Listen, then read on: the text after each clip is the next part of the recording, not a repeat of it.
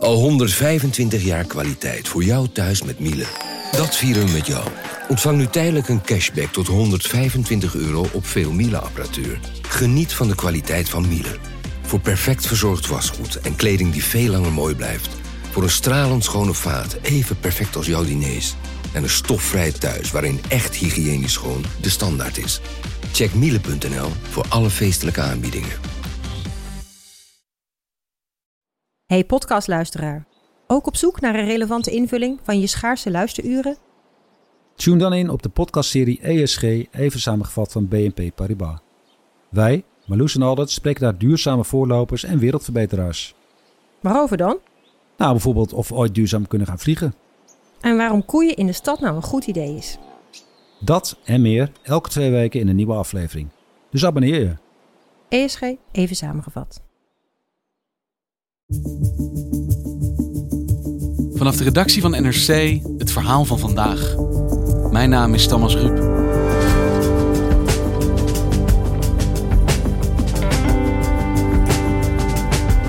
Kameroen verkeert in de greep van een verwoestende burgeroorlog. De Engelstalige minderheid voelt zich al decennia onderdrukt. Het gevolg, zeggen zij, van een mislukte dekolonisatie. Want waar is die autonomie die hen door de internationale gemeenschap was beloofd? Nu eisen ze een eigen staat, Ambazonië. En het geweld verergert intussen met de dag.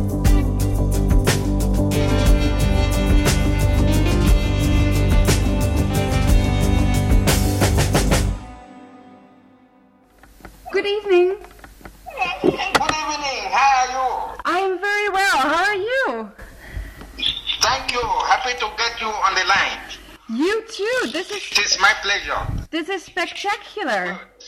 Eind juli, toen eh, voerde ik een telefoongesprek met Enfor Ngala Nfor. Het is een eh, leider van de afscheidingsbeweging in Cameroen. Eh, maar hij zit vast in de gevangenis. Lisa Dupuy werkt op de buitenlandredactie van NRC. Enfor eh zit vast, maar heeft een telefoon. Die, eh, die heeft hij binnen weten te smokkelen met handlangers.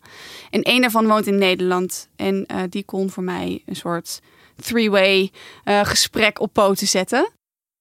Ik wilde hem graag spreken omdat eh, een voor een belangrijke prominente figuur is in de Cameroense afscheidingsbeweging. Hij is de leider van de Southern Cameroons National Council. Maar hij hoort ook tot NERA 10. Ehm, dat is de bijnaam die een groep van tien separatistische leiders heeft gekregen. En zij zitten vast, eh, met z'n tienen dus, omdat ze strijden voor onafhankelijkheid. En in juli kwamen er berichten naar buiten over ehm, de opstart van vredesbesprekingen in Cameroen. Ik volg het conflict in Cameroen al een tijd. En ik dacht, dat lijkt me een hele gekke gang van zaken. Want hoe kun je dan onderhandelen over verschillende eisen... terwijl één van de partijen eigenlijk met gebonden handen zit? En moest het dan stiekem omdat hij in een cel zit? Ja, dat moest stiekem. Dus die telefoon heeft hij, die mag hij eigenlijk niet hebben. Eh, dus hij had zich verdekt opgesteld in de cel waar hij zit. En wat vertelde hij? Hij vertelde aan mij wat de agenda is van zijn organisatie... en wat er nodig zou zijn voor echte vredesbesprekingen. And so and so you really you are saying before the talks can even begin they need to pull out. Yes. Is it because otherwise you would be it sounds like you're saying otherwise En eigenlijk op het moment dat hij een beetje op stoom kwam... eh, hoorden we plots eh, gebons op de deur. Yeah, that's all. What is it? Dus flink wat eh, rumoer. Oh, are you still there? Yes. Oh, perfect. Okay. Heel veel verwarring eigenlijk gelijk op de lijn. Right, so you have a very long list of demands before before you want to start the negotiations. That is that is clear. Ah.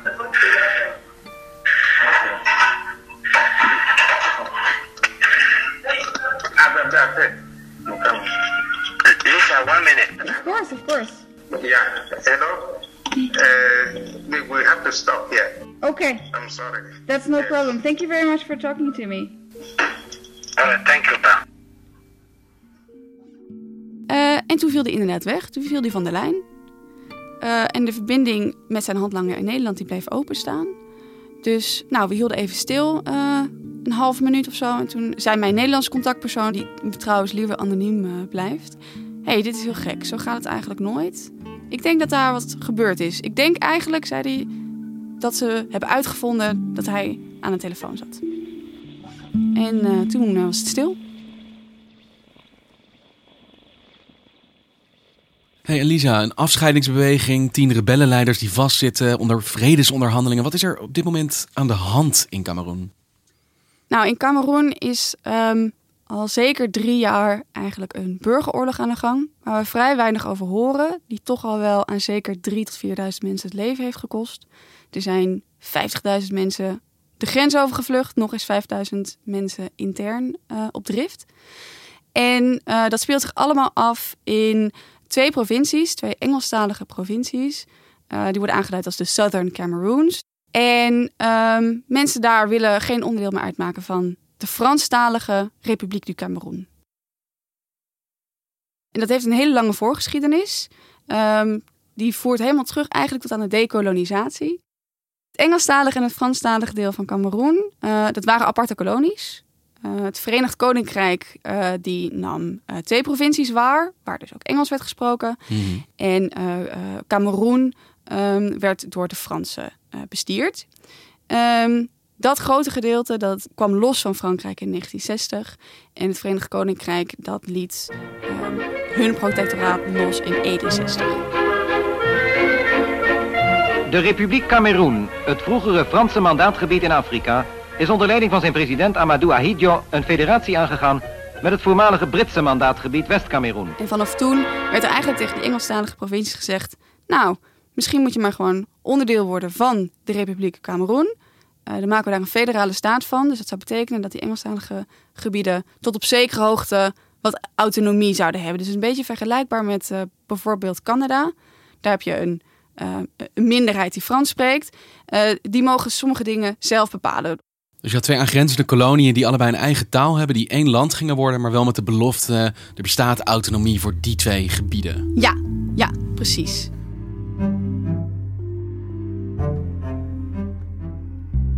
En wat kwam er terecht van dat nieuwe land en die beloftes die daaromheen waren? Nou, eigenlijk werd al heel snel afscheid genomen van dat federale systeem. Dus uh, eigenlijk al in de jaren zeventig dat dat langzaam uh, af werd gekalfd.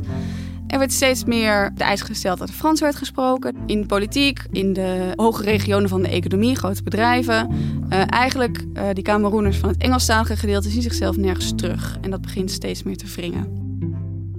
En eigenlijk, um, de, de, de grote klap wat dat betreft kwam in 2016. Want wat gebeurde er toen? Nou, toen werden er wetten doorge, doorgevoerd waarin stond dat uh, in scholen en ook in de rechtspraak eigenlijk alleen maar Frans mocht worden gesproken. For months, minority English speaking lawyers, teachers, and students have been striking over what they say is the dominance of French in their institutions. Het zorgde voor ontzettend veel onrust bij de mensen uh, in de Southern Cameroons. Want die dachten: hé, hey, maar nou kunnen we helemaal niet in onze moedertaal communiceren, geen recht spreken, geen onderwijs geven. En um, dat wordt eigenlijk gezien, die taal is, het is dus niet het, enige aspect, maar het is echt het embleem eigenlijk van, van hoe mensen nou zichzelf kunnen zijn. En um, dat zorgde, die, die nieuwe wetten zorgden voor een enorme volksopstand.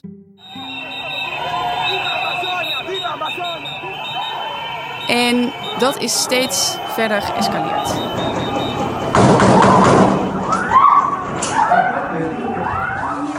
Protests recently turned deadly when government forces shot four people involved in the strikes. The government says it acted in self defense and is open to discussing the challenges faced by Anglophones.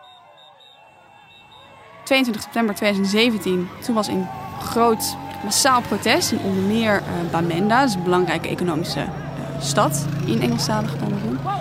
En uh, die werd heel hardhandig neergeslagen. En dat heeft ervoor gezorgd dat wat eerst een protest was met de vraag: mogen we wat meer ruimte? Um, dat werd een gewapende opstand. Dus autonomie was niet meer genoeg. Die regering in Yaoundé is niet, uh, niet te vertrouwen. We doen het zelf. En dan richten we een eigen staat op en dat moet Ambazonië worden. Ambazonië. En hoe proberen deze rebellen, deze separatisten, dat doel te bereiken om dat Ambazonië te stichten? Je hebt eigenlijk het politieke pad Uh, waar onder andere die Neratin zich eerder, veel eerder over hard maakte. Uh, waar Enfor dus bij hoorde. Die echt zegt, nou laten we dat onderhandelen. Laten we ons proberen zelf los te weken. De man die jij sprak in de gevangenis. De man die ik in de gevangenis sprak. En er is dus tegelijkertijd ook een veel radicaler netwerk eigenlijk ontstaan. Um, het is een hele weerwar van allerlei milities. Uh, waaronder de Amba Boys heette die. En dat is een gewapende militie die echt zich met hand en tand verzet. Heel erg veel geweld gebruikt tegen het nationale leger. Human Rights Watch kwam onlangs met een rapport over echt verschrikkelijke misdaden die waarschijnlijk zijn begaan door de Amba Boys. Uh, dat gaat echt uh, het onthoofden van, van advocaten, uh, van belangenbehartigers, mensen die een beetje proberen de lokale burgers een beetje veilig te houden. Ik kreeg anderhalve week geleden een filmpje toegestuurd waarop te zien was dat een, een vrouw die een winkeltje heeft in Bamenda, um, die had politiemensen over de vloer gehad.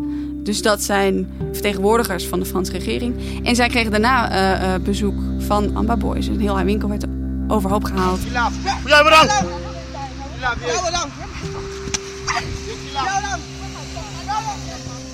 Het is terreur.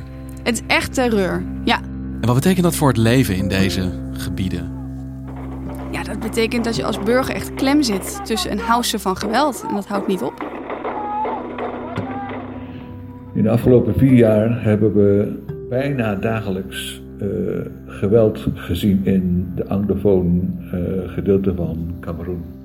Ik had contact met uh, Fred de Hoorn, dat is een Nederlander, die al sinds de jaren 70 in Cameroen woont. Dat huizen in brand gestoken zijn, gezondheidsposten die zijn binnengedrongen, standrechtelijke executies die zijn uitgevoerd.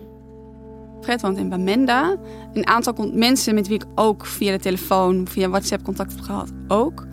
Uh, en zij hebben de afgelopen weken vuurgevechten meege meegemaakt. Eigenlijk dagelijks geweld. Ze durven bijna de deur niet uit. Uh, ze kunnen niet naar school. Winkels moeten ook dicht blijven. Onlangs is er een politieagent neergeschoten. En naar aanleiding daarvan worden er dan wraakacties genomen door het leger en door de politiemensen. Uh, mensen werden geslagen, mensen werden opgesloten die niks met die aanslag te maken hadden. En die moesten dan weer geld betalen voordat ze vrij kon komen. En dat heeft onlangs ook weer tot gevolg gehad dat het leger er ook nog een tandje bovenop heeft gegooid. Dus die zijn ook nog in grotere getalen uh, naar Bamenda getrokken. Hebben echt een militair offensief aangekondigd. Operation Bamenda Clean. Waarmee ze zeggen, nou we willen heel die stad uh, schoonvegen, leegvegen. Alle Amba Boys eruit. En hoe verhouden die Neratin, waar dus ook die M4 bij hoort, die jij beschrijft als ja, toch meer politieke separatisten, ja. zich tot oplaaiende geweld? Want ja, dit moet hun zaak ook wel in de weg staan op een bepaalde manier. Ja, hier wordt het heel lastig. Um, die Neratin die zijn niet blij met de berichten over de Amba Boys. Um, dat, precies wat je zegt, dat brengt echt hun zaak eigenlijk in discrediet. Uh, want het wordt heel makkelijk om nu voor Yaoundé, voor de regering van, van de Republiek, te zeggen: Nou ja, vind je het gek dat wij uh, met zwaar geschut uh, die provincies binnengaan? Moet je kijken wat, wat daar gebeurt. Moet je kijken wat daar voor terreur wordt uitgevoerd. Wat ik dus ook wel eens hoor, is, nou ja, die Amba Boys is eigenlijk een soort van verzinsel. Dus bedacht om ons als separatisten in een slecht daglicht te stellen. Dus het wordt nu echt een soort weerwar. En wat de situatie nog moeilijker maakt, is dat er dus heel weinig onafhankelijke onderzoekers of waarnemers op de grond zijn. Um, dus je moet je voorstellen, dat het een conflict met heel veel belangen. En dan wordt het heel lastig om te zeggen wie voor welke misdaad verantwoordelijk is. Uh, ook voor mij. Uh, dus ik heb wel contact met mensen in uh, Bamenda, in, in de rest van Engelstalig Cameroen. Um, en zij sturen mij heel veel video's van uh, vuurgevechten en verschrikkelijke moordpartijen. Die, nou, ik kan zien dat ze gebeuren. Maar het is heel lastig om daaruit te concluderen wie ze begaat. Maar het is eigenlijk een heel moeilijk te ontwarren geweldspiraal. Waarin separatisten steeds meer geweld gaan gebruiken. De nationale overheid met geweld daar weer op reageert. En intussen is leven in het Engelstalige Cameroen nu leven in oorlogsgebied. Ja, echt een oorlogsgebied. Echt in uh, doodsangst. Uh, te midden van geweld. En je weet eigenlijk bijna niet meer um, voor welk belang welk geweld wordt uitgevoerd.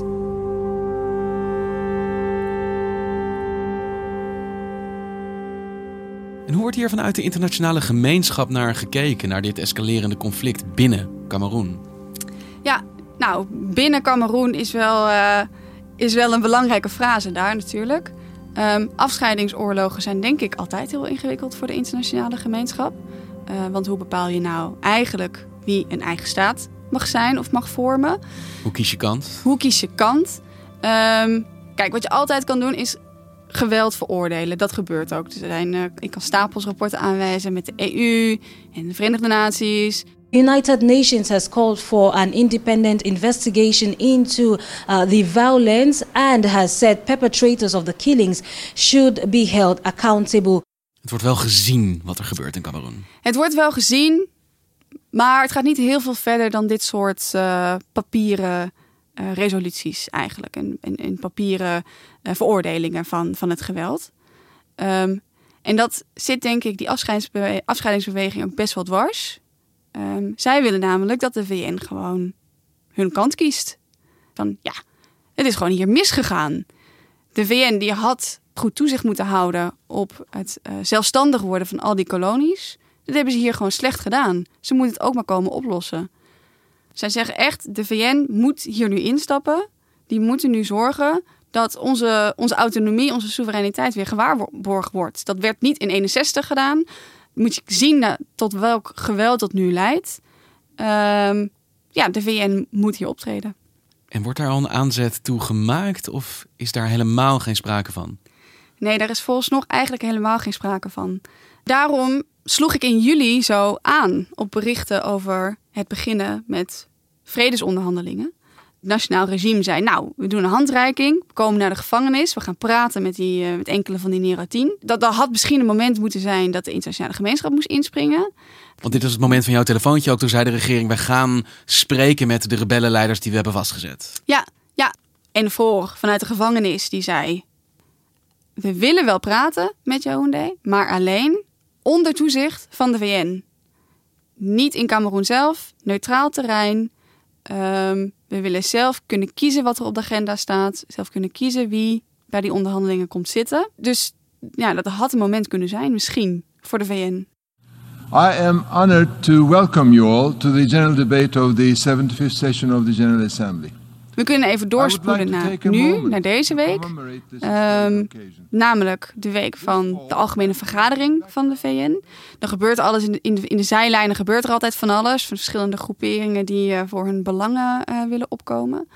Dus eigenlijk kijken nu heel veel mensen in Engelstalig Cameroen en in het diaspora, zoals ook mijn Nederlandse contactpersoon bijvoorbeeld, die kijken nu naar wat gebeurt er in die, in die vergadering. Wordt er iets gezegd? Neemt iemand de handschoen op? Nou ja, dat is nog uh, heel onduidelijk. Als er een internationale reactie komt, dan is dit eigenlijk het moment voor Cameroen. Ja, dat zou, je zou hopen dat dit het moment is, want anders dan gaat dit geweld waarschijnlijk, uh, nou voor je het weet, nog drie jaar door. En in ieder geval wat betreft uh, de afscheidingsbeweging is de VN het forum om dat te doen.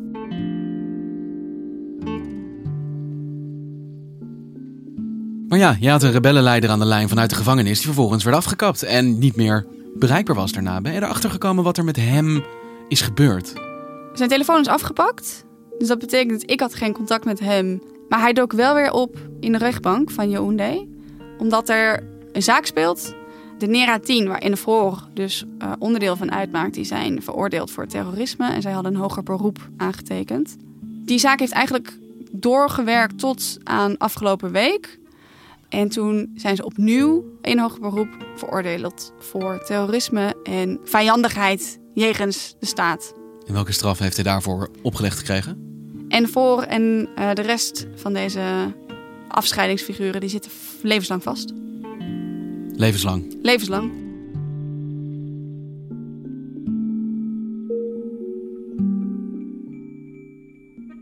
En dat en voor en zijn negen ja, mede-separatisten nu voor levenslang veroordeeld zijn. Wat betekent dat voor dat conflict dat tegelijkertijd zeg jij nog steeds niet voorbij is? Want er wordt gevochten. Ja, nou ja, ik zie het zo voor me dat dat vechten, dat dat geweld echt nog wel doorgaat. Ik zie zo snel niet wie zich geroepen voelt of wie zich presenteert als de volgende die dat vreedzaam via de politieke weg wil oplossen. En intussen heb je dus de meer gewelddadige separatisten die nog steeds huishouden in die Engelstalige provincies. Ja, die houden nog steeds huis. En het Nationaal Leger blijft dus ook. Ja, dat is een conflict wat nog niet echt een stap dichter bij een oplossing is. Nee, nee. Dat wordt uh, misschien eigenlijk alleen nog maar ingewikkelder. Dankjewel, Lisa. Dank je. Je luisterde naar vandaag, podcast van NRC. Eén verhaal, elke dag. Dit was vandaag, morgen weer.